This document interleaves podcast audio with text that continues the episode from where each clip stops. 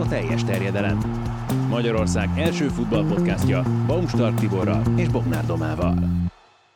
És ezen a héten Sós Márkal, de Tibi igazolt hiányzása mellett is teljes a létszám, mert hogy itt van Vályi Bence, tehát hárman tudunk beszélgetni arról, hogy mi történik Katarban.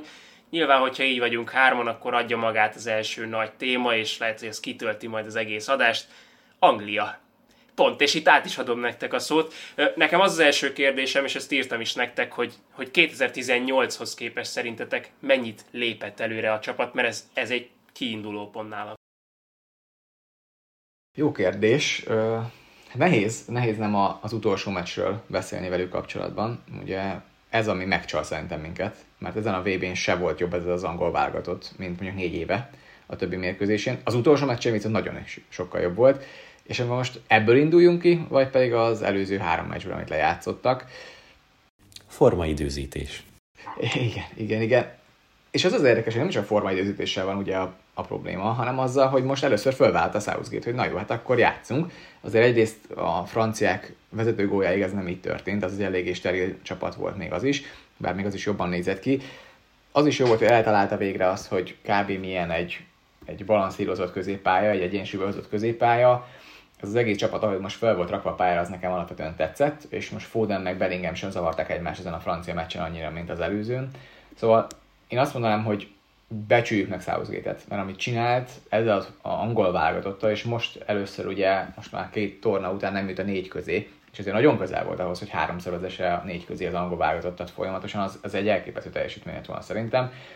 De amit pont olvastam is valahol ezt, hogy összerakta a védekezést, összerakta a csapatot, a kohéziót, mindenkit akar játszani, mindenki egymásat játszik, nincsenek semmi kiugró játékos, aki kifelé beszélne a sajtónak, de a támadás nem tudja összerakni úgy, ahogy egy nagy csapattól azon, hogy elvárjuk most már.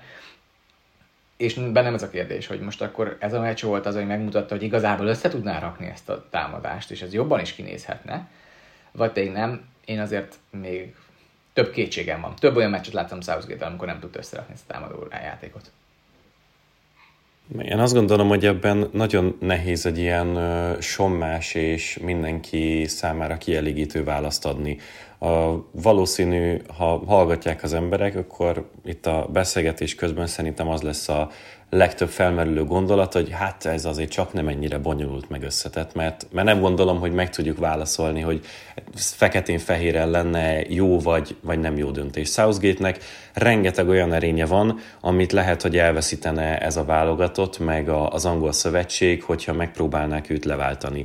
Attól függetlenül, hogy nyilvánvalóan azt gondoljuk, hogy Tomás Tuchel vagy Mauricio Pochettino, akik itt ugye felmerültek, mint na- nagy nevek, sokkal jobb edzők, mint Southgate, attól függetlenül, és egyébként, hogyha belegondolunk Tuchel meg Pochettino-nak a, a karakterébe, akkor ez azért tényleg abszolút reális veszélye is itt az egésznek. Tehát, hogy egyáltalán nem garantált, hogy amit ők mondjuk feltételezzük, hogy taktikailag vagy támadójáték terén hozzáadnának ehhez, azt nem veszítenénk el ilyen lelki, a sajtó felé kommunikáció terén, vagy bármiféle csapatkohéziós szempontból.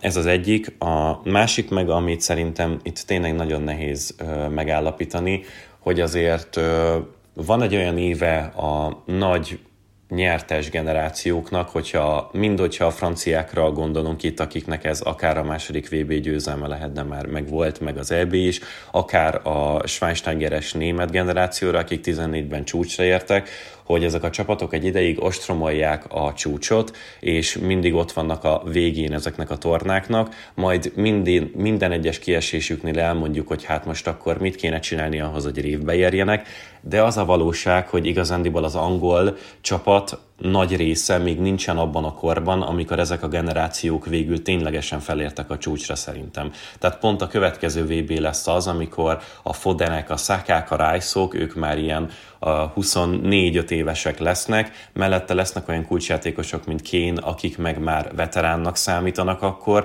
és szerintem az lesz az a torna, amikor ténylegesen elvárhatóak tőlük, hogy majd meg, megnyerjenek egy világbajnokságot, és emiatt egy ilyen nagyon nehezen megfogható dolog ez az egész, mert igazából ez egy borzalmasan erős keret már most is, és adott esetben el el lehetett volna tőlük várni, hogy még ennél is messzebb menjenek, de közben meg ezek a tornák ilyenek, és semmi szégyenletes nem volt ebben a francia késésben, még megmerném azt is, azt is kockáztatni, hogy sokkal jobban játszottak szerintem, mint a, a továbbító ellenfél.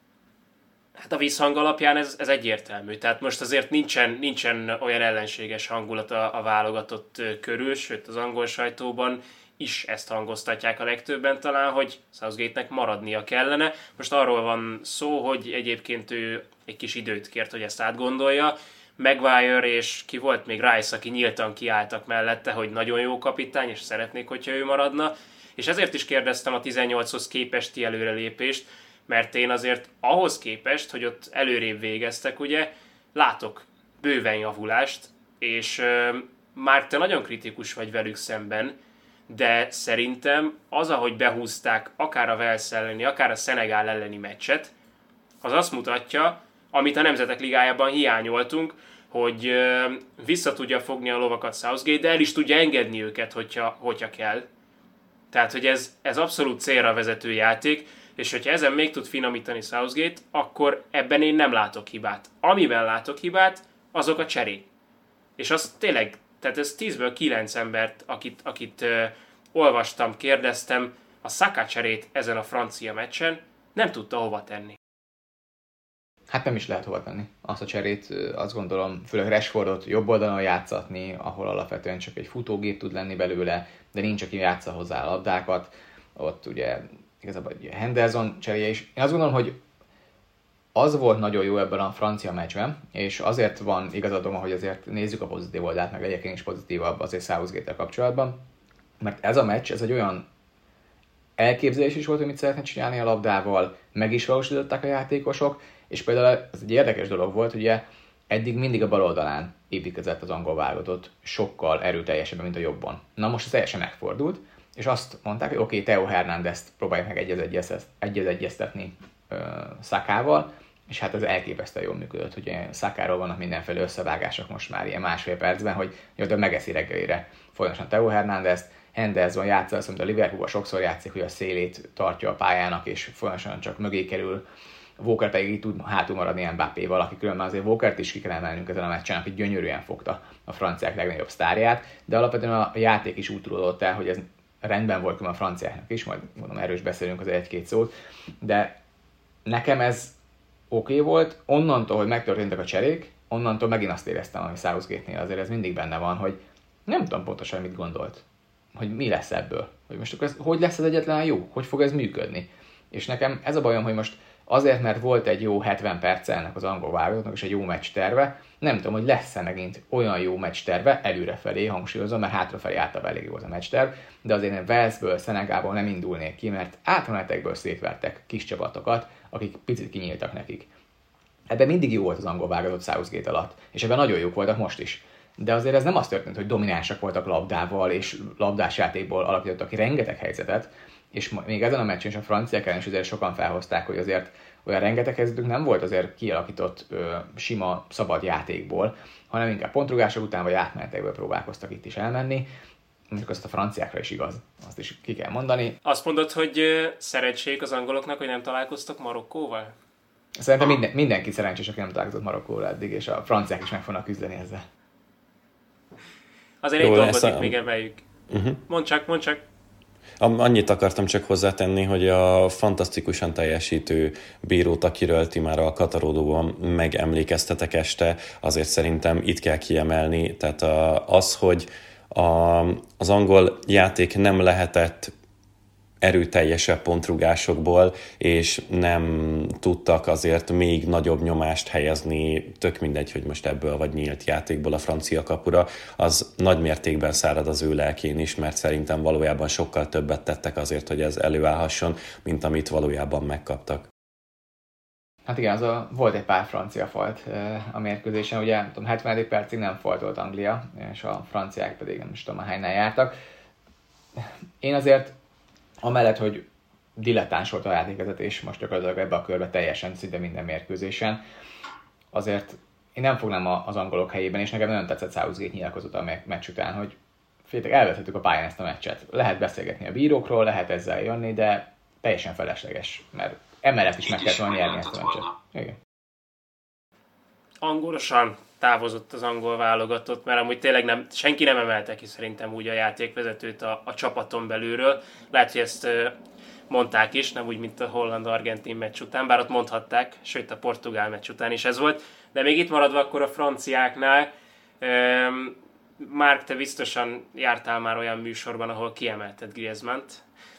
Hallottam, hogy nem tudod letagadni, de nem tudom megkerülni, hogy még mindig róla beszéljünk. Tehát az egy dolog, hogy, hogy mit csinál támadásban, azt már kiemeltétek több helyen, de, de hogy most az angolok ellen, amit még védekezésben is besegített, nekem az a döbbenetes. Tehát, hogy egy Griezmann rá tudsz arra venni, hogy, hogy ezt csinálja.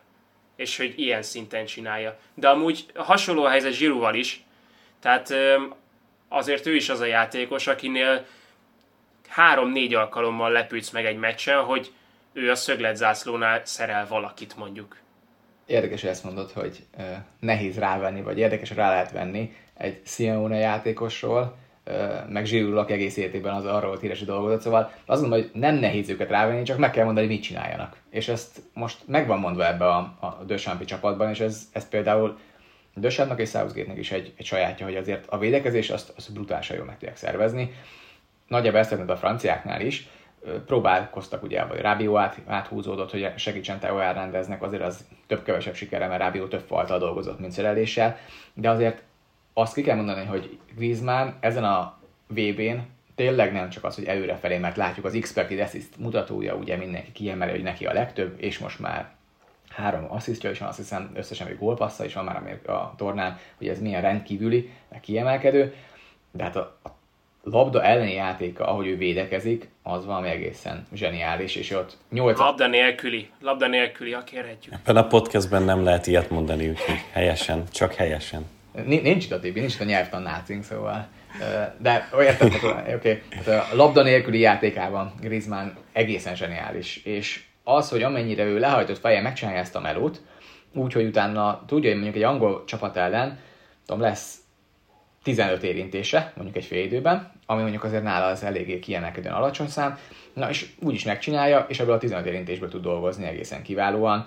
Hát Zsirú pedig ugye az első 20 percben azt néztem, hogy rá volt ragasztva Rice-ra, folyamatosan lépett vele vissza.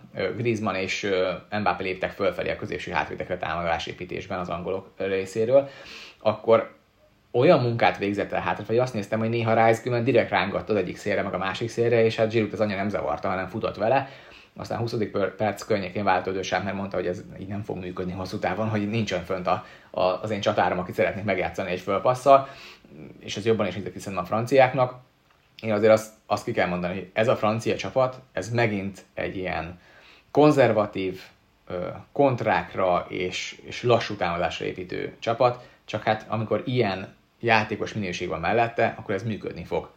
És e, ez a nehéz ebben a nemzetközi fociban, hogy jön egy ilyen ellenfél, ami elrontja a játékodat, és amikor hibázol, akkor úgy megbünteti, mint senki más. A francia ebben a legjobbak most. Az ESPN fogalmazott úgy, hogy Griezmann a ragasztója ennek a, a francia csapatnak, és ez szerintem elég találó. Az már ugye adott volt, hogy Pogba nincsen ebben a csapatban, és Pogba szerepkörét is valamelyest átvette.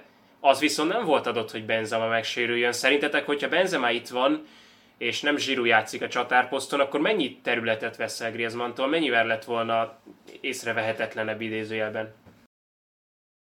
Szerintem Benzema mindenkitől elvett volna területet. Hogy ez valójában azt eredményezi, hogy az ő egyébként hihetetlen képességei adnak is eleget ennek a csapatnak ahhoz, hogy ez így összességében az egyenletnek a végén pozitív legyen, az nyilván most egy ilyen megállapíthatatlan dolog, de az egészen biztos, hogy ő legfőképpen Mbappé-nak a, a területeit, meg a lehetőségeit nagyon felélte volna, nem biztos, hogy mivel azért alapvetően és inkább balrább szeret a baloldali félterületbe kilépkedni, hogy Teo Hernándeznek is, meg Mbappének is a játék kapcsolata olyan jól működött volna, hogyha még többen vannak arra felé, Griezmann-tól is elvett volna területet, tehát itt ő szerintem mindenkire hatással lett volna, mert tényleg akkora ö, átlépetetlen gócpont ő minden egyes csapatban, ahol szerepel, hogy, hogy egyszerűen ez elkerülhetetlen.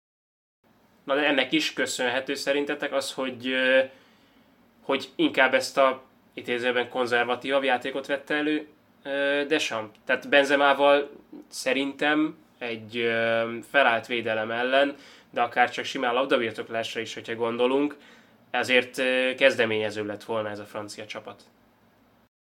Hát nem vagyok egészen biztos, különben, hogy ez így történt volna. Az, hogy kombinatívabb játékra képes Zsirunál Benzema, az egészen biztos. Ezt látjuk a Real Madridban is. De azért azt ne felejtsük el, hogy a Real Madridban Vinicius Junior van mellette, aki csak azt szeretné, hogy a szélét tartsa, és meg, van, meg legyen a lehetőség egyez egyezni, és onnan húzódjon befelé. Mbappé pedig nem ezt szeretné játszani. Ő azt szeretné, hogy területben indulhasson, és valaki vigye el onnan a védőket, hogy ő mehessen be az üres területbe. És ez nagyon más két profilú játékos, ezért működik szerintem egyik a Real Madridban, a Benzema tök jól, ilyen visszalépő csatárként is, akár, itt pedig nem annyira, mert egyszerűen a másik, a bal szélső, aki azért központi figurája mindkét csapatnak, az nagyon más szeretne. És azt gondolom, hogy a csapatok próbálnak most már a legjobb játékosról optimalizálni, a legjobb játékosa pedig nem Benzemának a francia válogatottnak, hanem Mbappé, és őt kell kiszolgálni úgy, hogy neki a legjobb helyzetbe hoz. Én azt gondolom, hogy ezért nagyon nagyot nyert ezzel, hogy nem Zsiru, hogy Zsiru és nem Benzema 9-esként, mert egyszerűen Mbappénak jobban kijönnek a képességei meg a, a lehetőségei.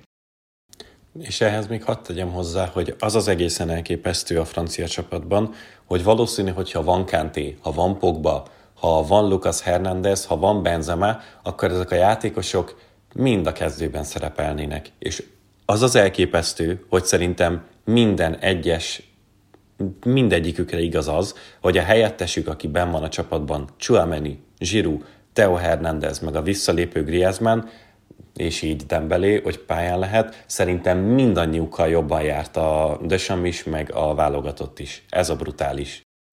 Marokkó ellen is jobban fog? Hát igazából... Szerintem igen. Tehát a, ugye Marokkót szerintem hol lehet bontani, azok a két ö, széle a játéktérnek, mert ők mindent középre tömrítenek ugye a védekezésükben, és a szélén tudsz egy egybe bontani. Említettem, hogy Mbappének nem ez a legnagyobb erőssége, de azért meg tudja ezt is tenni. Dembélének pedig pontosan ez a legnagyobb erőssége, ez egy, egy az egybe bontson és hát ezt kell megjátszák, és azt gondolom, hogy ugyanez lesz majd a recept, vagy ez lehet a recept, egy nagyon gyors forgatáson, hogy Mbappé oldalán mindenki ugye elkezd oda ö, áttolódni az egész marokkói védelem, és utána egy gyors fordítás Dembeinek, aki egyez egyezzen a, a szélén is verje meg, onnan jöhessen a beadás, vagy akár befejezés is. Szerintem ez egy jó meccs terv lehet alapvetően a, a franciáknak, de ezzel láttuk, hogy képes ez a marokkói csapat annyira megnehezíteni a labda kihozatalakat is magát, hogy amíg átjöttnek, azt néztem az előző meccsen, ugye Marokkó gyakorlatilag azt tudta megcsinálni, hogy hiába hoztá, hoztát az ellenfél a saját térfejéről a támadó harmadba nagyon-nagyon komoly mennyiségbe és jó százalékkal a labdát, az, hogy a támadó harmadból eljuss a 16-oson belőle, az valami 20%-os sikerességi arány volt az előző mérkőzésen a marokkóiak ellen. Na ezt kell megjavítani a franciáknak ahhoz, hogy több lehetőségük legyen egyáltalán kapura lőni, mert ez itt a probléma. Marokkó ellen igazából a helyzetet sincs. Ugye egyetlen gólt kaptak, azt is öngól volt, amit igazából kaptak egyet. Most azért valakinek meg kell mutatnia, azt gondolom, hogy a franciák képesek erre, de azért azt nem látom, hogy ez egy könnyű meccs lenne a franciáknak, mert nincs kidolgozott játék igazából. Egy-egy játék kapcsolatban jól tudnak működni, és egy-egy meccs terv akár működhet. Mondom, én ezt a, a széleken való megbontását ennek a csapatnak ezt, ezt látom, mint lehetőséget. A, az NBA-ben van az a mondás, hogy LeBron James-t sohasem becsülheted le, a, a playoffban, és nem akarom elkövetni azt a hibát, hogy Marokkóval szemben én leszek az, aki őket lebecsüli, de én szerintem az a baj, hogy ha az eredeti kezdő lenne fönt... Marokkó a világbajnokság LeBron James, az elég erős. Nem, nem, csak nem, nem. Azért a, a kettő szint, minden tiszteletem Marokkó felé, de azért mégiscsak el van a másik irányba, nem csak így ült a, a példázat. Szóval nem akarom én elkövetni ezt a hibát, de szerintem, hogyha az eredeti kezdő lenne fönt, akkor maximálisan partiban lennének itt a franciákkal, minden ezt mondatja velünk az eddigi torna alatt. Az a baj, hogy mostanra a kezdő belső védőpárosuk is megsérült, és hát gyakorlatilag szerintem mindenki a bokáján jár, és legalább háromféle baja van, amit a masszőrök próbálnak kiszedegetni belőlük. Úgyhogy én azt gondolom, hogy, hogy szegény marokkóiakon ez a menetelés nagyon durván bekérte az árát, ahogy elnézte az ember az előző mérkőzésnek a végét, és szerintem ez lesz a baj. Nem, nem tudom elképzelni egyszerűen, hogy a ennyire fontos kulcsjátékosoknak a kiesésével is az egész meccsen bírni fogják a franciákkal a tempót. Tehát egy adott ponton egyszerűen el, el kell törniük. A portugálok ellen még összejött ez a pótlás, ott is voltak hiányzók, de ha már mondtál NBA-s hasonlatot, akkor fantasztikus átkötésem van. Azért az NBA-ben uh, gyakoribb az, hogy a játékosok hallják, hogy mit mondanak egymásnak, és gyakoribb az is, hogy a, a tévén keresztül átjön a trash talk, ami a fociban talán egy kicsit jobban elkerüli az ember figyelmét, talán amiatt is, hogy távolabb van a, a kamera alapvetően. Viszont itt a Hollandia-Argentina meccsen ez, ez abszolút megkerülhetetlen volt, hogy ezt az ember lássa, hogy az ember ö, feldolgozza, és főleg a 11-es párbajnál jött ki, de ugye az egész az első félidőben kezdődött, tehát már ott voltak sárgalapok, aztán a másodikban folytatódott Matteulához asszisztálásával, 17 rekordszámú sárgalappal, meg egy piros lappal is. Mit mondtok erre a, az egészre? Ugye tényleg a 11-es párbajnál robbant a, a történet, ott volt a legtöbb ilyen odamondás, odaszólás, a másik való kontaktusnak a keresése, a másik megzavarása. Amit Emiliano Martinez csinált, amit a hollandok csináltak ott a középkörnél, az még része a játéknak. Jól szórakoztunk, vagy pedig ez nálatok már, nálatok már túllép a, a jó ízlés határán? Én megmondom őszintén, leszek most az ördög ügyvédje. A Twitteren ugyanúgy, mint természetesen minden egyes elemében, a, vagy elemének a, a játéknak van elemzés, szakértője, minden létező faktorának tényleg a, a futballnak és a, a labdarúgásnak. Hát természetesen a 11-es rugásoknak is vannak ilyen szakértői, és én nagyon, hát valamelyik teljes terjedelemben azt hiszem beszéltünk is erről, én nagyon rácuppanódtam erre, és azért mondom ezt, mert az, hogy hogyan játszod ezeket a elmetrükköket, vagy nem tudom, hogy fordítsam a Mind Games-t, a Tibi nincs itt, úgyhogy sajnos nem tud segíteni a magyarosításban. Szóval ezek nagyon fontosak. Az, hogy te eljátsz az ellenfélnek, hogyha te vagy a vé- az, az egy nagyon jó találó kiigazítása ennek, szóval, hogy véded a kapusodat, véded a rugódat csapatszinten. A PL-ben az utolsó fordulók között volt egy, amikor a Van Dijk elment és elkezdte kitaposni a 11-es pontot, és utána kiadták a Liverpool ellen a, a 11-est. Ezek ilyen elengedhetetlen, kicsit mocskos trükkjei ennek a sportágnak, de annyira nagy a tét mindenki számára, hogy el tudom fogadni. Tehát ha az lenne, hogy valamelyik csapat, most erős szó, de az nem állt tőlem távol, patkánykodna a büntető párbaj közben, akkor azt mondom, hogy nyilván rájuk lehet húzni a vizes lepedőt, de itt azért mind a kettő csapat tolta ezt, tehát a hollandok kollektívaként csinálták az argentinokkal, Emiliano Martinez meg nem kell félteni, mert a, a Katarolóban is beszéltetek arról, hogy ugye ő már a Copa Amerikán is megvillantotta ezt, meg az angol bajnokságban is sokszor megvillantotta, mert most is hozta a formáját, Szerintem ez a 11-es párvajoknak egy ilyen elengedhetetlen része. Egy szerintem fontos adalék, ugye Matteulahoz álmafutásáról már beszéltünk, de ami kimaradt az esetében, és ami szerintem szándékosan maradt ki, hogy ő nagyon nem akart itt piros lapot adni. Tehát már amikor nem volt semmi tétje, akkor Dünfrist kiállította ugye a lefújás után, de hogy Messi a kezezésért nem kapott elsőre sárga lapot. Emiliano Martinez ö, megúszta sárga lap nélkül is ezt a mérkőzést, és sok olyan eset volt még, ahol így adhatott volna akár még egy sárgát is, a 11-es párbajnál is osztogathatta volna még, de nem tette meg, és én ezt azért nála a pozitív oldalra írom föl.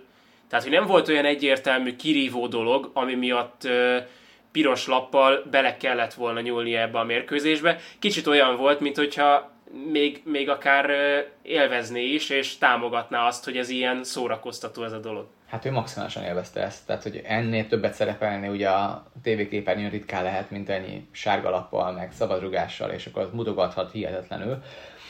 Nekem nagyon nem tetszett, és alapvetően azért nem tetszett, mert egy játékvezető azért van a pályán, hogy medr- medrében tartsa azt a mérkőzést, nem pedig azért, szerepeljen, és nem pedig azért, hogy piros lapokat osztogasson. Szerintem én is szeretem, amikor piros lapok vannak egy mérkőzésen, mert nagyon eldől az egyik oldalra, és onnantól már nincsenek igazán focira emlékeztető jelek, hanem inkább kézilabdában már a dolog. És én nekem ez a problémám, hogy itt konkrétan az történt, hogy még olaj volt a tűzre minden egyes odalépése, ahogy a játékosokhoz szólt, és nem, az, nem éreztem, hogy egy pillanatra meg szeretném nyugtatni ezt a játékot, hanem azt mondja, hogy persze, hát tök jó srácok, akkor játszuk ezt. Nem mondom, a másik két csapat az nagyon beleállt ebbe a dologba, és elképesztő videók jöttek ki a mérkőzés után, hogy mik történtek, amiket nem láttunk a közvetítésben. Ahogy Van Dijk leütközi már nem is tudom melyik játékos, Enzo Fernández, nem is tudom ki volt az, aki telébe ütközött le, mert éppen lerúg. Nem, hát ez volt az az eset, amikor Paredes szabálytalankodott egyet, azért az esetért kapott egy sárga lapot, de még ugye a szabálytalanság után rögtön bebikázta a holland kispadba a labdát. Ahonnan az egész akkor holland a holland kispad is. Igen, megindult a pályára. Van és jött Van Dijk, aki body checket adott. Van Dijk nem kapott egyébként sárga lapot. De lehet, hogy Paredes se végül. Szóval ott, ott az már tényleg olyan volt, mint a, a legrosszabb különben ilyen. Amer- volt a kosárlabdában ilyen, amikor ugye verekedtek nézőkkel is a, játékosok. Hát kicsit féltem, hogy lassan ebbe fog átmenni, hogy itt a paddal fognak verekedni, meg itt hokis hasonlatok, és akkor mindenki verekszik egymással.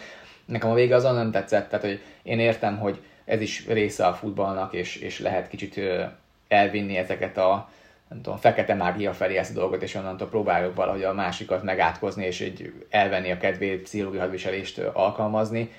De a végén már igazából focira emlékező dolog nem volt, csak ez. És amikor ez marad belőle, akkor meg az ember nagyon érzi azt, hogy na, ez nagyon nem áll ezek a játékosoknak, mert senki nem bír veszíteni, senki nem bírja azt mondani, hogy felülemelkedek, és azt mondom, hogy hát engem, hát majd kirejtják, hogyha velem továbbra is csinálja, hanem na, akkor megmutatom, én is meg tudom csinálni. Messi a nyilatkozatban elhordja mindennek véghorstot, aki meg szerencsétlen ugye két gólt rúg életébe végre egy ilyen fontos mérkőzésen, majd oda menne, hogy akkor lepacsizzon vele, utána elküldi, hogy nem menjen innen mamlasz, vagy nem tudom, hogy fordítsam pontosan. Szóval... Elvileg a mezőt akarta elkérni. Ez, ez volt a fálma. Aztán csóró. E, azt is megértem messzitől különben, hogy egész meccsen össze rugdosnak, és még mellette kutyáznak, és folyamatosan utána ne gyere oda nekem meszt elkérni de mégis azt érzem, hogy azért legalább tegyük már le a végén, főleg ha, ha én jutottam tovább, és nem a másik csapat.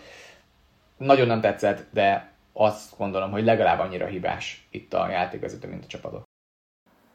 Csak mondom, hogy Argentinában már pólókat árulnak ezzel a felirattal. Ugye azt mondta Messi ott a nyilatkozat közben egy oldalra kitekint, hogy Kemiras Bobo, ami ugye annyit jelent, hogy mit, mit nézel te mamlasz, vagy, vagy ahogy szeretné az ember fordítani zseniális jelenet sor. Azt akartam még ehhez hozzátenni, hogy Bocs, nálam, csak egy, egy, egy dolog hozzá, hogy láttuk Messi-t valaha így? Ennyire kijönni az érzelmeid, ennyire kiesni a saját szerepéből, hogy ő ez a jó gyerek, aki igazából csak cselezgetni akarok, de engem mindig összeszerúnak, és kiesett belőle, és igazi tirpák parasztként visszaszól valakinek, amikor kicsit nekem jó, hogy kicsit emberi volt. Nekem ez jó, én messze mindig azt várom, hogy legyen valami érzelmi reakció benne, és annyira hiányosak voltak azok a barszás interjúk, amikor ott ült maga előtt, mint egy ilyen kis kutyús, aki ott elmondja, hogy a Istenem, mi történt most velem. Nekem az nem tetszett, mert nem éreztem az érzelmét, hogy ez valóban ő, és nem egy megírt script. És most, most aztán érezte ezt, nem hinném, hogy a sajtosok adták a, a Nem is csak ez volt, ha azt nem tudom, láttátok-e, elvileg a lefújás után a holland edzői stábhoz is oda ment, tehát Fanhál bácsi nagyon járatta a, a, a száját előtte, és oda ment mutogatni ezt a pofázatok jelecskét neki, és tényleg így oda ment az öreg elé, fél méterről mutogatta neki, úgyhogy tényleg ennyire durva Sőt, érzelmi kitöréseket belőle ne is sem láttam. Uh-huh. A gólöröme is nekik szólt, tehát azt is oda a kispad felé mutatta ezt a, nem tudom, oroszlán fülnek nevezzem, vagy uh-huh ez a, az a nagyon, nagyon hallgat. Szóval ezt akartam még ehhez kiegészítésként, hogy nálam a játék közben, a meccs közben belefér, de a 11-es párbaj közben ez tök könnyű lenne kivenni a játékból, és hogy ott már tényleg csak arról szóljon, hogy a kapus és a lövőjátékos párharca. Ott én simán úgy, ahogy bevezették, hogy a kapus nem léphet ki a vonalról, vagy a vonalról kell indulni a lövés közben, úgy az egymást zavaró játékosokat akár távolabb tenném ott a középkörben egymástól, hogy ne is tudjanak egymáshoz szólni, és a kapusnak, meg a, a játékosnak, meg simán le lehetne szabályozni, hogy a kapus egy ilyen, az ellenfél lövés előtt ne érjen hozzá a labdához, ne érhessen hozzá a labdához, ne beszélhessen vele csak maximum a gólvonaláról, Szóval hogy ezeket ki lehetne szerintem szűrni. Ez nagyon de, szubjektív, de azt... tök érdekes, bocsánat, mert, mert én nekem meg pont fordítva van. Én ezt mezőnyben nagyon nem szeretem, és akkor focizzanak, ha viszont már eljutottunk a büntetőpárbaig, akkor szórakozzatok, mert az már amúgy is az ember végig szenvedett három órányi foci meccset, unja az egészet, már utálja, hogy megint itt vagyok, és az előző világban, jó, most nagyon eltúlzom nyilván a történetet, de hogy az előző vb is egyfolytában hosszabbítások voltak, és hogy miért nem tudták dűlőre jutni a, hogy foci közben, akkor legalább már legyen egy ilyen faktora, de, de tényleg ez, ez borzalmasan szubjektív. Hát Messinél láttuk az érzelmeket, és Cristiano Ronaldo-nál is láttunk érzelmeket, olyanokat, amilyeneket eddig nem. Miután kiestek Marokkó ellen, az a Cristiano Ronaldo, ezt nem tudom ki írta, de, de nagyon tetszett, hogy igazából Ronaldot mindig önbizalommal telve látjuk. Akkor is, amikor nem játszott most a Manchester Unitedben, akkor is úgy láttad a kispadon őt, hogy, hogy neki teg megrengethetetlen az az egója, amivel ő a világ legjobbjai közé emelkedhetett, és itt most az egót, az, az, pozit, az a legpozitívabb értelemben érdemes venni. Zseniális gólszerző, ugye 196. válogatott meccse volt ez így, hogy, hogy beállt, és akkor a végén egy olyan pillanat, amit, amit tőle szerintem soha nem láttunk, maximum akkor, mikor még a Unitedba kihagyta a 11-est a, a BL döntőben, zokogva egyből le az öltözőbe, és, és be az öltözőbe a, a folyosón. Nagyon furcsa volt ezt az oldalát já- látni, akár Ronaldónak, de egyébként több játékosnak is kiemelhetném, csak tényleg látjuk azért, hogy más érzelmeik is vannak. Ronaldónál szinte az egész karrierét végig kísért ez a tökéletes koncentráció, a, az önmagába vetett százszázalékos hit, és akkor most, most kijött ez. Lehet, hogy neki is ez valaminek a, a végét jelentette, és ezt ő is érzi? Hát szerintem biztosan egyrészt szerintem végét jelenti annak, amikor ő meghatározó játékos ennek a portugál csapatnak. Lehet, hogy végét jelenti az, hogy meghatározó játékosa az európai focinak. Ezt ő is érzi, ő is látja, hogy egyszerűen szorul ki a csapatokból. Most már a portugál válogatottból is, ami igazából azért egy ilyen safe place, egy biztonságos hely volt számára, ahol ő mindig azért játszott, mindig ő volt a középpontban, ez is eltűnt, és nagyon érdekes szerintem, hogy pont Messi egy nappal előtte vetközik ki magából, és abból a szerepből, amiből ismerjük, most meg Ronaldot látjuk, hogy kiesik ebből a szerepből, és nem tök jó, amit mondtál, Doma, ez a tényleg kiesett ebből a hihetetlen magabiztosságból, ami azt gondolom, hogy szerintem képességeiben nem volt ott, vagy nem volt olyan Isten adta tehetség, mint Messi, ezért kellett neki plusz ez a nem is tudom, plusz még páncél az életében, hogy ezt fölvegye magára, és ezzel tudta fölvenni vele a versenyt. És ezért én végtelen tisztelem, hogy ezt megtette. Az, hogy milyen játékos, milyen ember vált -e közben belőle, az számomra kevésbé szimpatikus, de ez meg egy szubjektív, ugye, mint a Bencén a 11-es rugások. Nekem az kevésbé tetszik, de az, hogy ezt meg tudta csinálni, az egészen elképesztő, és nekem minden tiszteletem, és jó volt így látni mindezt a két csillagot, aki eddig csak ilyen titánként láttunk. Ronaldo jövője, tehát ha óvatosan akarunk fogalmazni, még akkor is azt mondjuk, hogy bizonytalan, de ez tényleg majd a világbajnokság után dől el szerintem. Most még beszéljünk itt a VB-n a hátralévőkről, illetve az eddig történtekről, mert hogy a horvátok megint képesek voltak elvinni 11-es párbaig egy mérkőzést. Brazíliát búcsúztatták, szerintem mindkettőtöknél Brazília volt talán a, a végső győzelemre a legnagyobb esélyes. De tényleg elképesztő, tehát ez ilyen, ilyen Real Madridosnak hat, hogy, hogy valahogy a horvátok mindig be tudják húzni, vagy ha nem behúzni, akkor a 11-es párbaig elvinni a meccseiket. Nem tudom, van-e közös pont a két csapatban? Mint hogyha a pálya közepén ott egy úriember fel alá járkálna mind a mai napig, és még mindig nem áll meg. Ö, viccen kívül egyébként én ezen nagyon sokat gondolkodtam, hogy vajon Modricnak a személye, meg az ő agya, az mennyire befolyásolja, és melyik a tyúk, és melyik a tojás. Az, hogy a Real Madridot Ancelotti is így edzi, meg Zidane is úgy edzette, ahogyan, és a horvát csapat is úgy van összerakva, ahogyan, mert benne van Modric, vagy ez inkább egy véletlen, és Modric az, aki a helyzetet végül is nagyon jól kezeli, és olyan edzőket kap, aki, hát most hogyan mondjam finoman, akik nem feltétlen a túl rigid taktikai felállásokban hisznek, és az eltúlzott szakmai utasításokban, hanem ennél azért mégiscsak lazább igényekkel küldik ki a csapatukat a pályára, és Modric ebben így tündököl, vagy melyik-melyik. Erre most csak így felvetettem, hogyha van válaszotok, akkor azt megköszönném, mert nekem nincsen benne, de szerintem nagyon-nagyon ül ez a hasonlat, tehát amit még így lehet hozni párhuzamként, hogy a, a Reálban is ez a Casemiro, Kroos, Modric középpálya, minden egyes mozdulatát és mindenit pontosan tudta, hogy hova fog mozdulni, ami adott egy ilyen lüktetést, egy egyszerű lüktetést és egyszerre biztonságot, irányítást, kontrollt és, és mindent, amit el lehet mondani a Reálnak, és itt a horvát középpálya, amikor még Rakitic volt bent, nála is igaz volt, és ez a mostani is maximálisan. Én, én azért Dalicsot olyan szempontból felmenteném az elől, hogy nagyon erős, kidolgozott stratégiája legyen, vagy taktikája legyen, egy mérkőzés stratégiája van a támadás építésre. Egész egyszerűen azért, mert azt mondja, hogy hogy néz ki ez a horvát válogatott. Van három nemzetközileg is kiemelkedő labdatartásra képes középpályásom. Van egy öregedő szélsőm, aki elvileg egy jó játékos, ugye most Perisicsre gondolok, de hát azért nem fogja egymaga eldönteni a mérkőzéseket, lehetne használni, akár három védős rendszerben elég jól működik, de mondjuk itt nem ezt játszatom.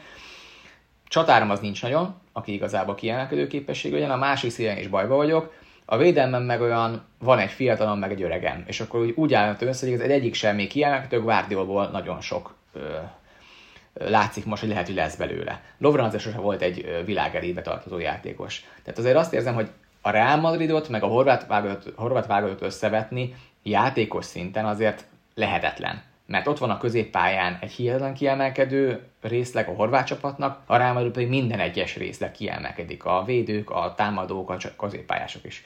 Én ezért azt mondom, hogy a Real Madrid, ami történik, az egész egyszerűen csak azért mehet így, mert nyernek mindig, és olyan képességű játékosok van benne, akik így is megnyerik a mérkőzéseiket. Szerintem a horvátoknál olyan nincs más lehetőség. Lehetne, csak akkor elvennék ezt a hihetetlen képességet a horvát három középpályásnak, hogy gyakorlatilag egyiket se lehet elvenni a labdát tőle, elvásztani a labdától, és mellette pedig olyan gyönyörűen forognak egymás ö, körül, hogy, hogy tényleg azt kell mondani, hogy ez a horvát csapatnak a lelke, az agya, a mindene az a középpályás sor, és rájuk van bízva minden, hogy ők tartsák a labdát, és ezért történik szerintem az, hogy nagyon sokszor igen, hosszabbításra mennek, és ott valahogy tovább jutnak, megpróbálnak tovább jutni, mert hiába játszod azt, hogy akár megpróbálod őket letámadni, azon is kiforognak, ha pedig azt mondod, hogy visszaállsz ellenük és kontrázni szeretnél, abban is hihetetlenül fegyelmezett ez a középpályás sor, aki nagyon ritkán veszít egyszerűen labdát.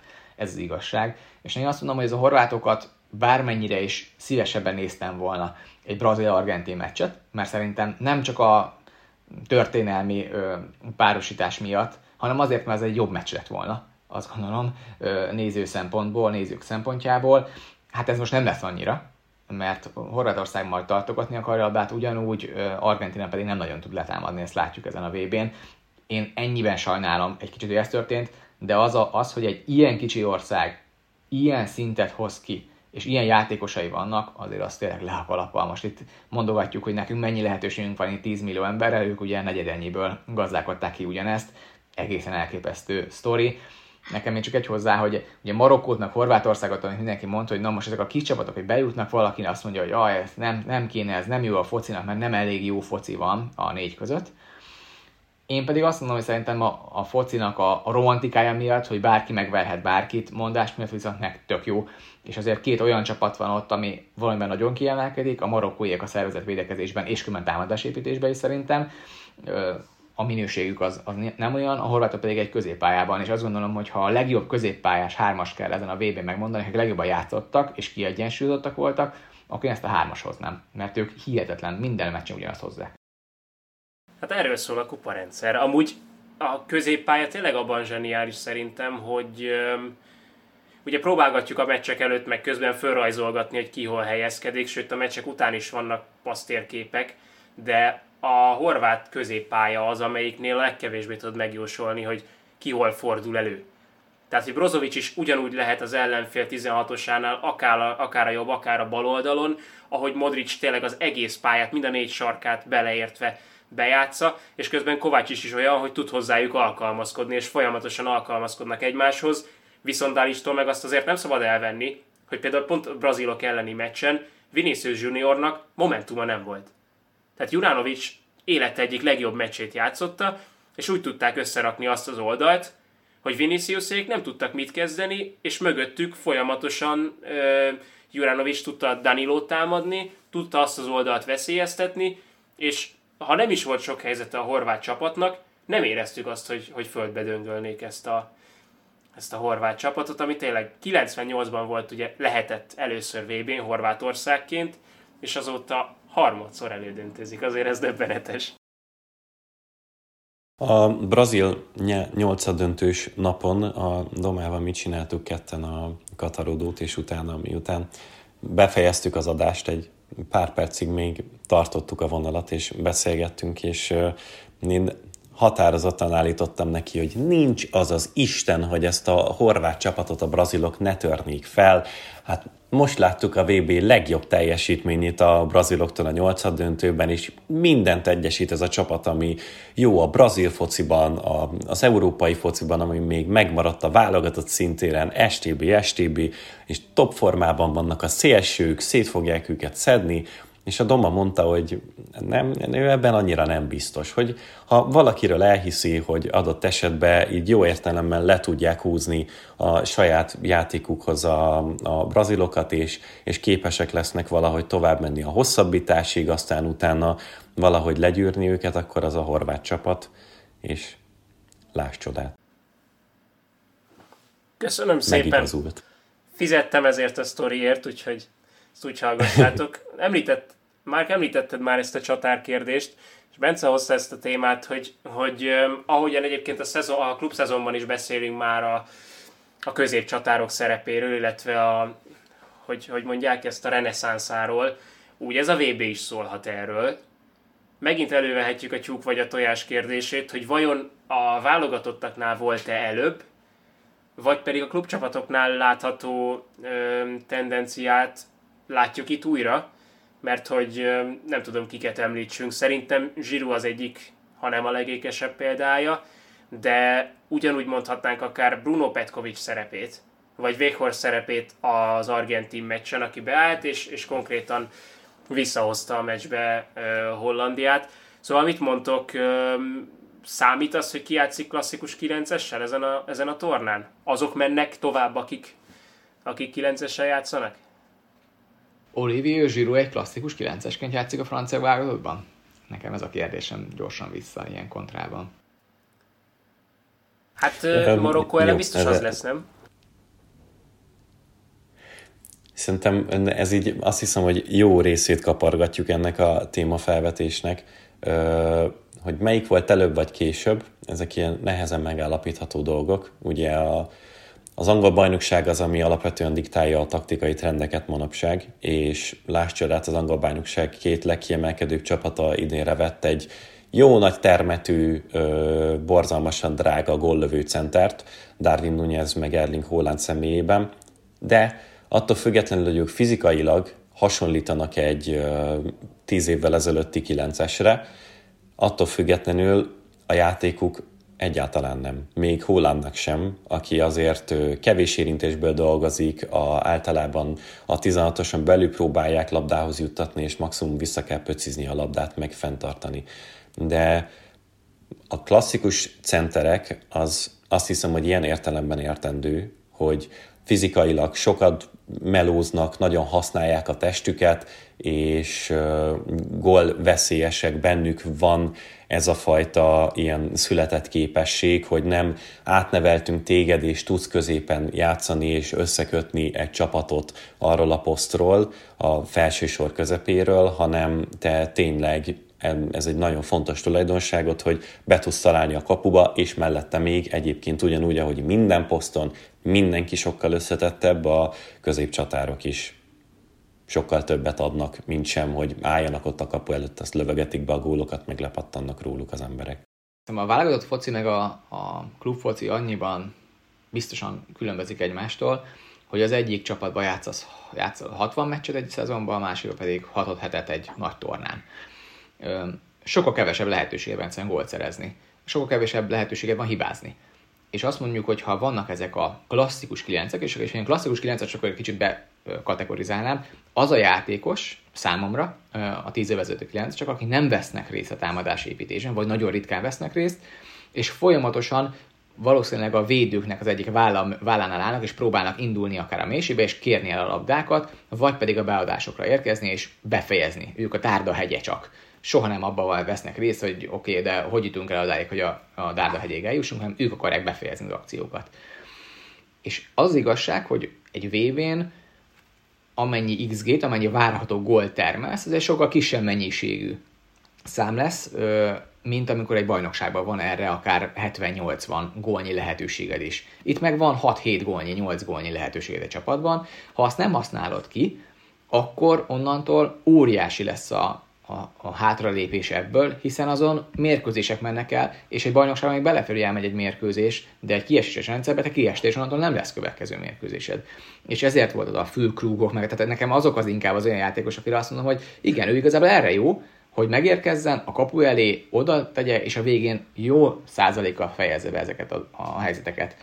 Csak nekem ez is egy olyan kérdés, hogy igazából a klasszikus 9 csak a legjobb befejezők a világon? Szerintem nem.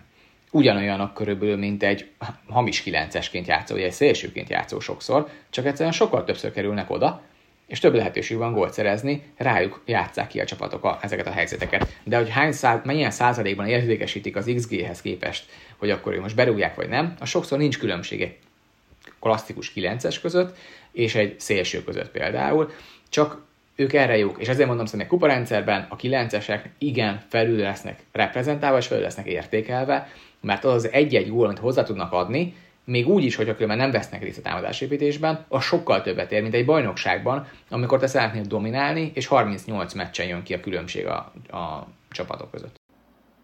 Attól függ, hogy milyen viszonylatban nézzük a csatár, ezeknek a csatároknak a hasznosságát szerintem, mert hogyha azt nézed, hogy olyan helyzetet, hogy középre ívelnek mondjuk labdákat, olyan helyzetben egy, egy alacsonyabb játékos, aki nem Véghorst, nem Főkrug, nem akárkit mondhatnék itt, még Darwin Nunez pedig ők nagyon korán kiestek, ők, nekik nem, nem veszett hasznát, mert még a, a kísérletig sem jut el, tehát ő elfejelni se tudja feltétlenül a labdát.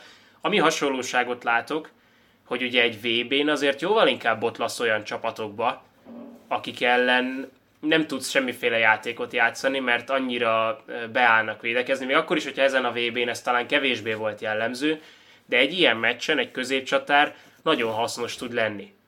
De ettől függetlenül meg megint ide is tudnék ellenpéldát mondani, hogy a, a spanyolok Kosztarika elleni győzelméhez semmiféle középcsatára nem volt szükség.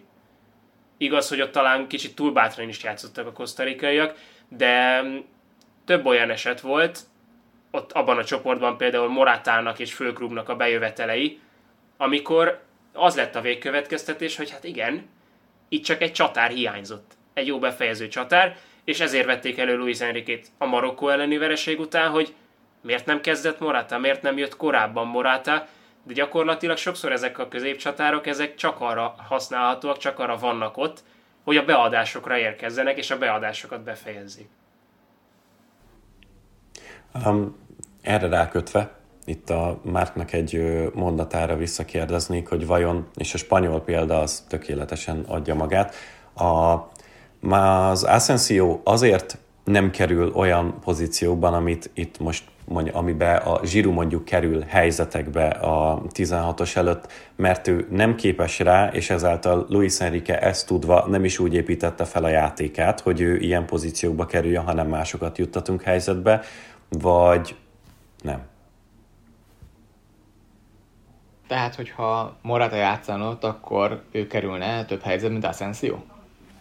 Ez. Szerintem a Moratában a, ő is nyilván közel sem egy klasszikus 9-es, tehát hogy nem egy Lucatóni a Morata, de ettől függetlenül ő benne igen, szerintem megvan az a képesség, hogy meg tud találni olyan zsebeket, megvannak azok az indulásai, megvannak azok a, a ilyen zsigeri reakciói, ami egy középcsatárban megvannak, és ezáltal, amikor ő van pályán, akkor a spanyolok is el, elő tudják állítani ezeket a helyzeteket, míg mikor az Asensio játszott középen, egyáltalán nem is erre mentek, mert egyszerűen ő valószínűleg nem tudta volna ezt megcsinálni. Ahhoz Csak azért mondom, mert hogy akkor így a hamis kilencesek ugye nem tudnak olyan helyzetbe kerülni, mint az igazi centerek. Innentől kezdve eleve alakítani kell az egész játékot. Ahhoz, hogy helyzetbe kerülj, ahhoz el kell juttasd a 16-osig a labdát. Ugye látjuk, hogy a 16-oson kívüli lövéseknek a, a százalék az hihetetlen mértékben megy össze a nemzetközi fociban, VB-ken is.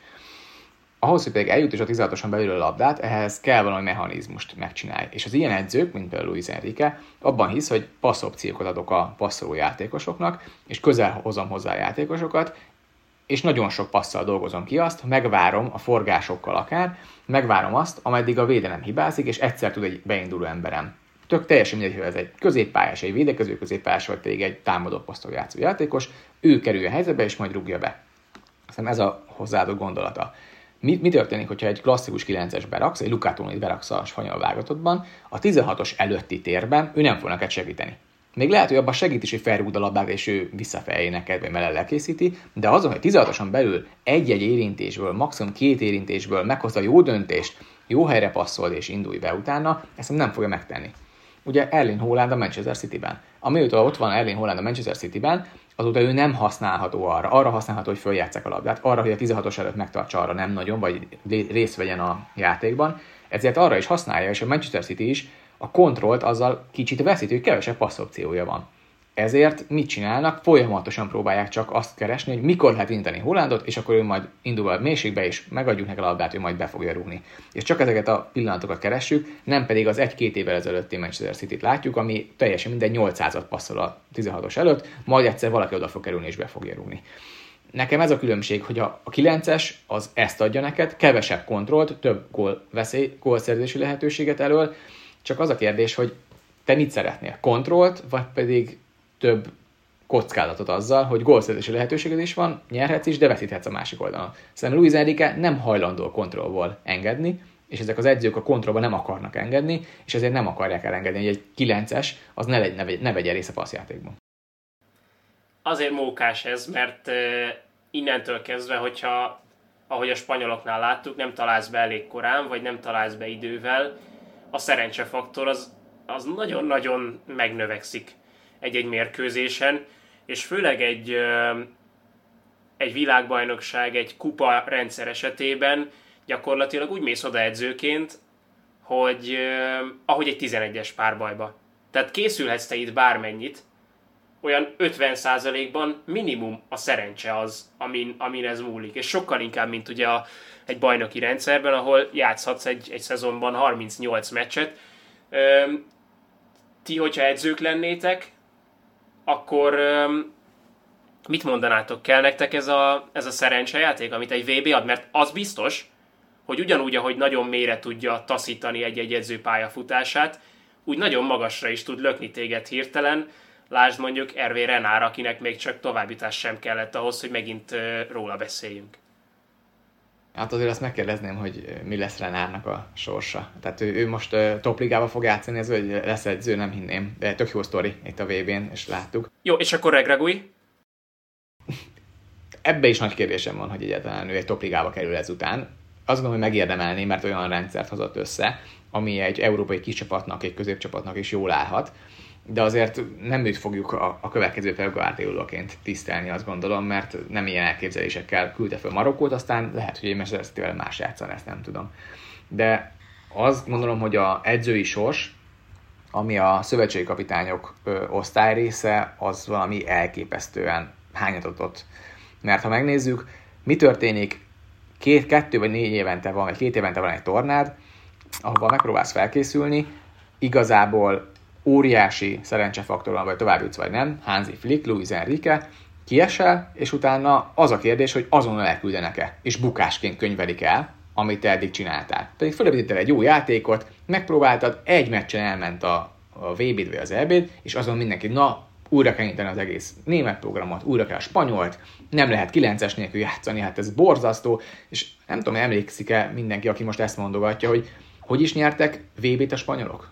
Meg EB-t a spanyolok, hogy ki volt ott a 9-es, meg ott ugye, oké, okay, volt még egy Fernando Torres, meg egy David Villajuk, de utána azóta ki lett, amikor Cesc Fabregas játszott hamis 9-est, és azok egész sikeresek voltak azt hiszem vele. Tehát én azt érzem, hogy nem egy módja van az, hogy mit csinálj egy dologban. Igen, hogyha Lewandowski van a lengyel válogatottban, akkor ne próbáld meg őt azt játszatni, hogy tikitakázzunk hátul a középpályán, és akkor jön lépjen vissza, mert nem ilyen képességei vannak azért, amikor a spanyol válogatottról arról beszélünk, hogy kik kellett volna behívni, azért nem világsztárokat mondogattak, hogy 9-esnek még ide el kellett volna hozni, nem jó formában lévő spanyol bajnokságban játszó játékosokat.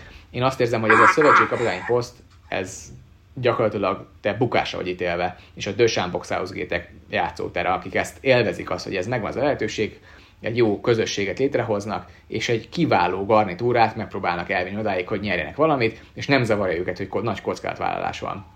Aztán Louis Enriquet kicsinálta ez különben, hogyha megnézzük az utolsó meccset, amikor kiestek, hogy egyszerűen azt látja, hogy nem áll, hát pont azt csinálják, amit én szeretnék, csak egyszerűen a végén nem jön ki az, amit szeretnénk, és Marokkó pedig pontosan ezt szeretné csinálni. Southgate és az FA szokta sokszor emlegetni, hogy, hogy mindenki nyugodjon meg, nézzük a nagyobb képet. De hát nincsen nagyobb kép. A csak tényleg e-, ezt tudom megerősíteni, hogy a, olyan szinten ketté ment és elválasztódott már a klubfoci, meg a válogatott foci. És tök érdekes, ezen gondolkodtam, miközben itt beszélgettetek, hogy, hogy ez szerintem az elmúlt éveknek a, a végleges eredménye. Tehát, hogy a, amikor a spanyolok a csúcson voltak, a 10-es VB-n, meg a 12-es EB-n ezt még nem éreztem. A 14-es VB-n sem éreztem még ezt. Tehát ott a, azt, az volt a közhangulat, hogy a német foci, a német utánpótlás az, az a csúcsra ért, az most, a, ami után menni kell, az, amire tényleg rá kell kötni. És hogy azt mondhattuk, hogy ezek a konzekvenciák, amiket itt, amiket itt a Márk is hozott, és amiket próbálnak levonni az utánpótlás képzés, meg a, a játékosoknak a fejlesztése szempontjából az országoknak a szövetségei, azok még tíz évvel ezelőtt azt mondom, hogy reálisak voltak, és a válogatott foci az lehetett valami jelzése annak, hogy merre kéne menni szerendek szintjén, de ma már erre teljesen alkalmatlan. És hogyha erre alkalmatlan, akkor igazándiból a tétje is annyira lecsökkent, és nincsen nagyobb kép, nincsen igazándiból olyan hatalmas nyereség, amit egy edző akár személyes szempontból meg tud szerezni ezzel, egyszerűen nem tudom elképzelni, hogy bármi van, amit te tudsz mutatni a válogatott szintéren, és azutána egy valódi top klub csapathoz átvihető. Hát egy dolgot Ilyen ne felejts el, Bence. Tehát van egy VB trófea itt, ami, ami a, a tét. És hogyha teljesen mindegy, hogy melyik top csapatnak, legyen az a holland, német, portugál, spanyol, brazil, argentin, angol vagy francia, jó eséllyel indulsz minden egyes VB-n, hogyha sikerül eljutnod odáig, hogy, hogy te egy VB trófeát megszerez. Mindennél, Abszolút. És a világban... még a BL-nél is. Bence rákötve csak az, hogy most gondoljunk, ki gondolkozik azon, hogy Dösámpot most leigazolja? Melyik nagy csapat gondolkozik? Ami éppen VB-t nyert az előzőn, és most jó esélye van, hogy lehet, hogy meg is ismétli, de biztosan a négy közé vezette ezt a francia válogatottat. Ki akar leigazolni egy idő most? Én nem halljuk a sajtóban, hogy igazából mindenki a PSG-hez kiabálja, hogy menjen már át én, nekem ez a nagy kérdésem, hogy ez a szint, ez szerintem egy bizonyos edzői garnitúrának már nem lesz elég. Mert nincs mit nyerned rajta. Ha még a legjobb vagy, és kiemelkedsz, és tornákat nyersz, akkor se kerülsz abba a, arra a szintre, ahol a Guardiolákat, a Kloppokat hegyezzük, a Tomás Tucheleket hegyezzük, mert az Ancelottikat jelezzük, mert egyszerűen nem gondolja, azt gondolom a szakma már ezt olyan nagy dolognak, mint régen, amikor még 10-12 éve Del Bosque, hogyha nyert egy VB-t a spanyolokkal, akkor azt mondják, hogy hát ő bármelyik padra leülhet, hiszen most nyert VB-t. Szerintem ma már ez nem igaz. És De ez a sokkoló ebben az egészben. És amúgy ezzel meg egy abszolút nem lehet vitatkozni. Tehát, hogy ebben teljesen igazad van. Az, hogy a világbajnokság micsoda, az mind a mai napig tök mindegy, hogy milyen színvonalat képvisel a válogatott foci, tök mindegy, hogy hol van a klubfocihoz képest.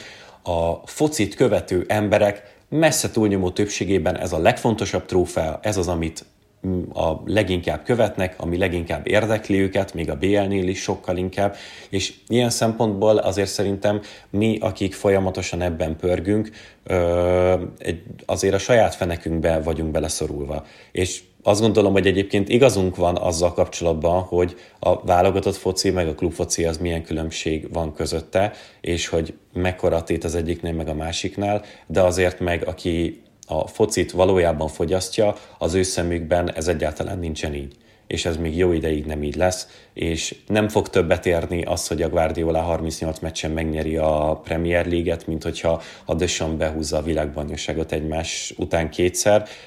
Ez a furcsaság benne, hogy igazat is mondunk, de közben meg igazából a sok embernek a szemében meg hülyeségnek tűnhet az, amit állítunk, mert mert a, náluk a tétek meg máshol húzódnak.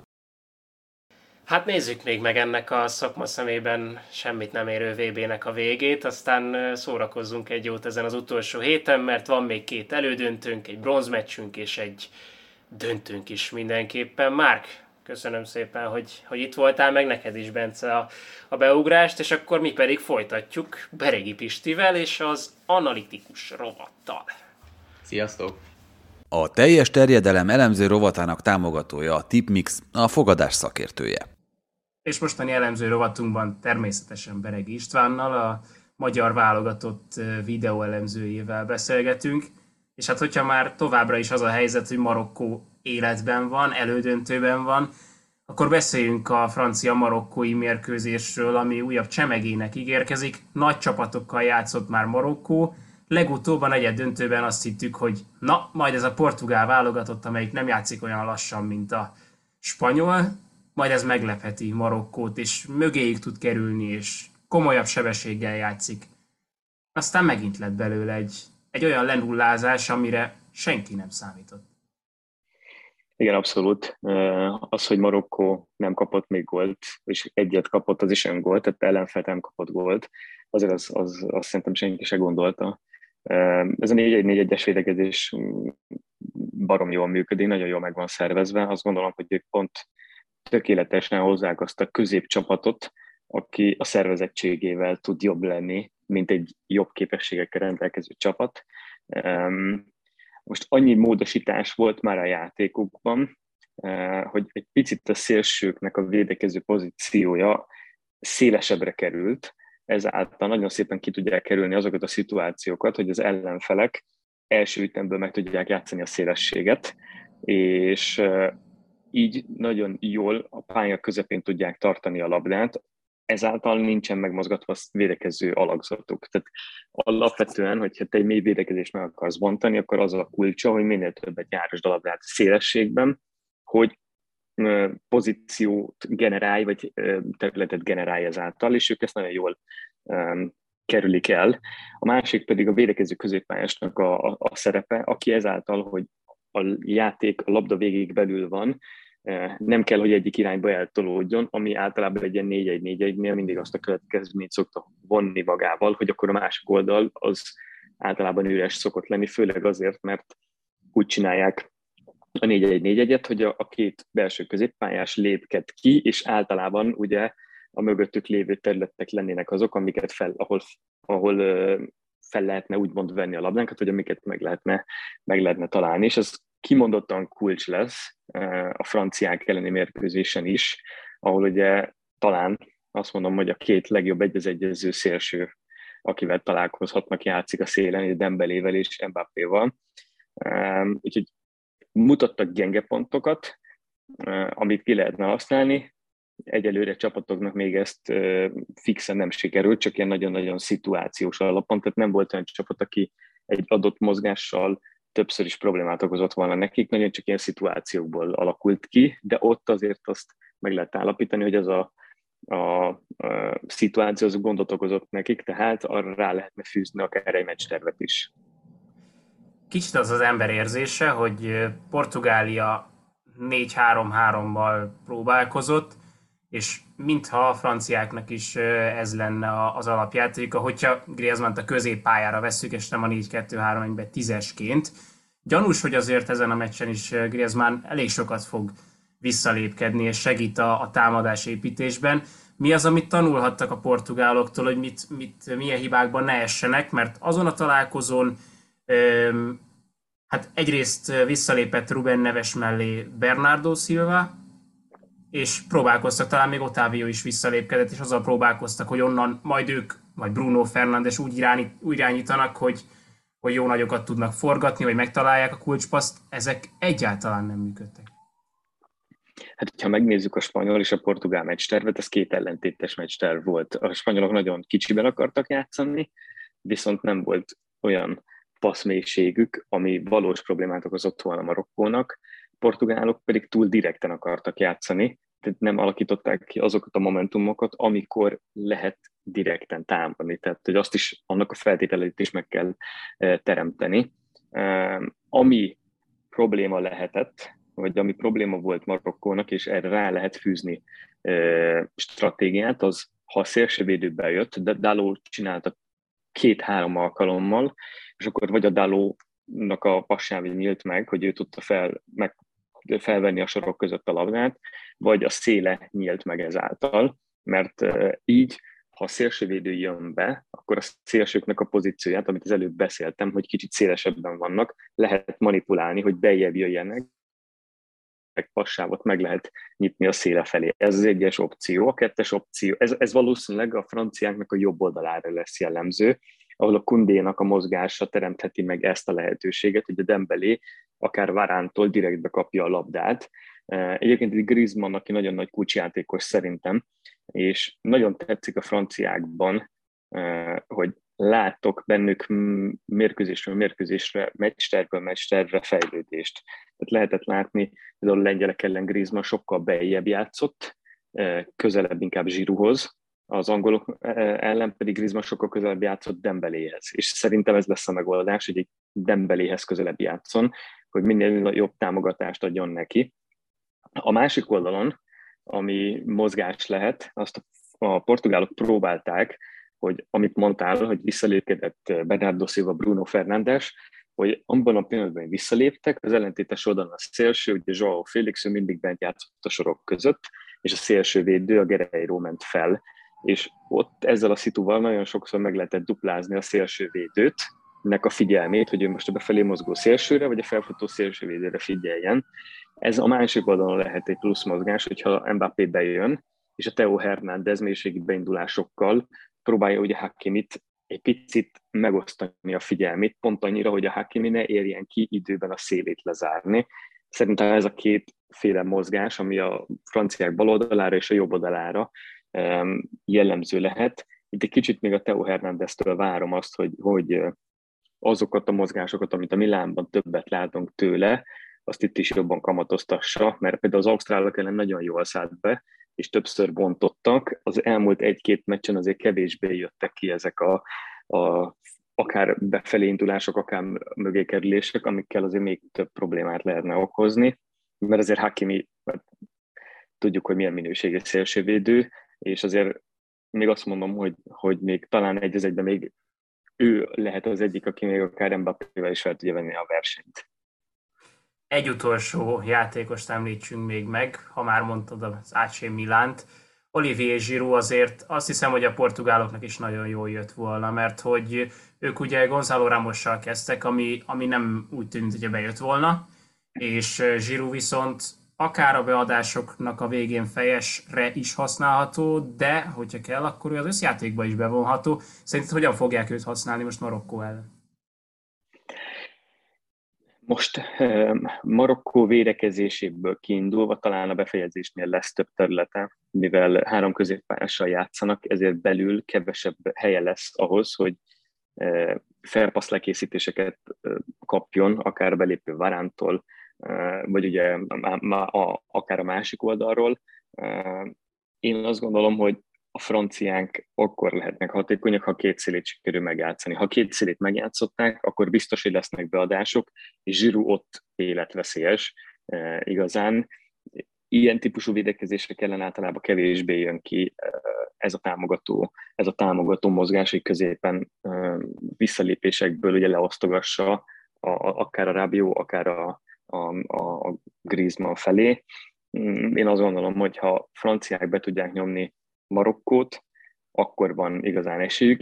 Viszont ezt Marokkó eddig nagyon szépen került el, hogy a csapatok benyomják őket, és záporozzanak a beadások. Tehát Marokkó azt nagyon jól csinálja, és igazából egy hatékony védekezésnek ez a kulcsa, hogy ne engedd azt, hogy túl mélyen védekez, elég megnézni személyes tapasztalat, személyes példa a mi EB mérkőzéseinket, ahol előbb-utóbb akkor a nyomást kaptunk azáltal, hogy nagyon mélyen voltunk, hogy azt nem lehetett kibírni. Jön egy lecsorgó, és azt mondjuk Gorecka jelen esetben eltalálja. Itt is Marokkónál ezt látjuk, hogy nagyon szépen kerülik el azt, hogy mondjuk 20 méteren védekeznek. Pont megvan az a 25-30 méter, ami kellően távol tartja az ellenfelet attól, hogy ne az legyen, hogy állandóan jönnek a beadások, mert akkor zsírú típusú csatár, aki egyébként nagyon jól támadja akár a védő mögötti, akár a védő előtti területet is, nagyon jól tud érvényesülni. Szerdán este kiderült tehát a második elődöntőnk. Köszi szépen az elemzést, Pisti. Mi pedig akkor jövünk az elődöntők után is, illetve jövő hét hétfőn a VB döntő után is. Figyeljétek a Spotify-t, illetve a többi platformot is. Sziasztok! Sziasztok! A szurkolás, a fogadás és az elemző rovat támogatója, a Tipmix.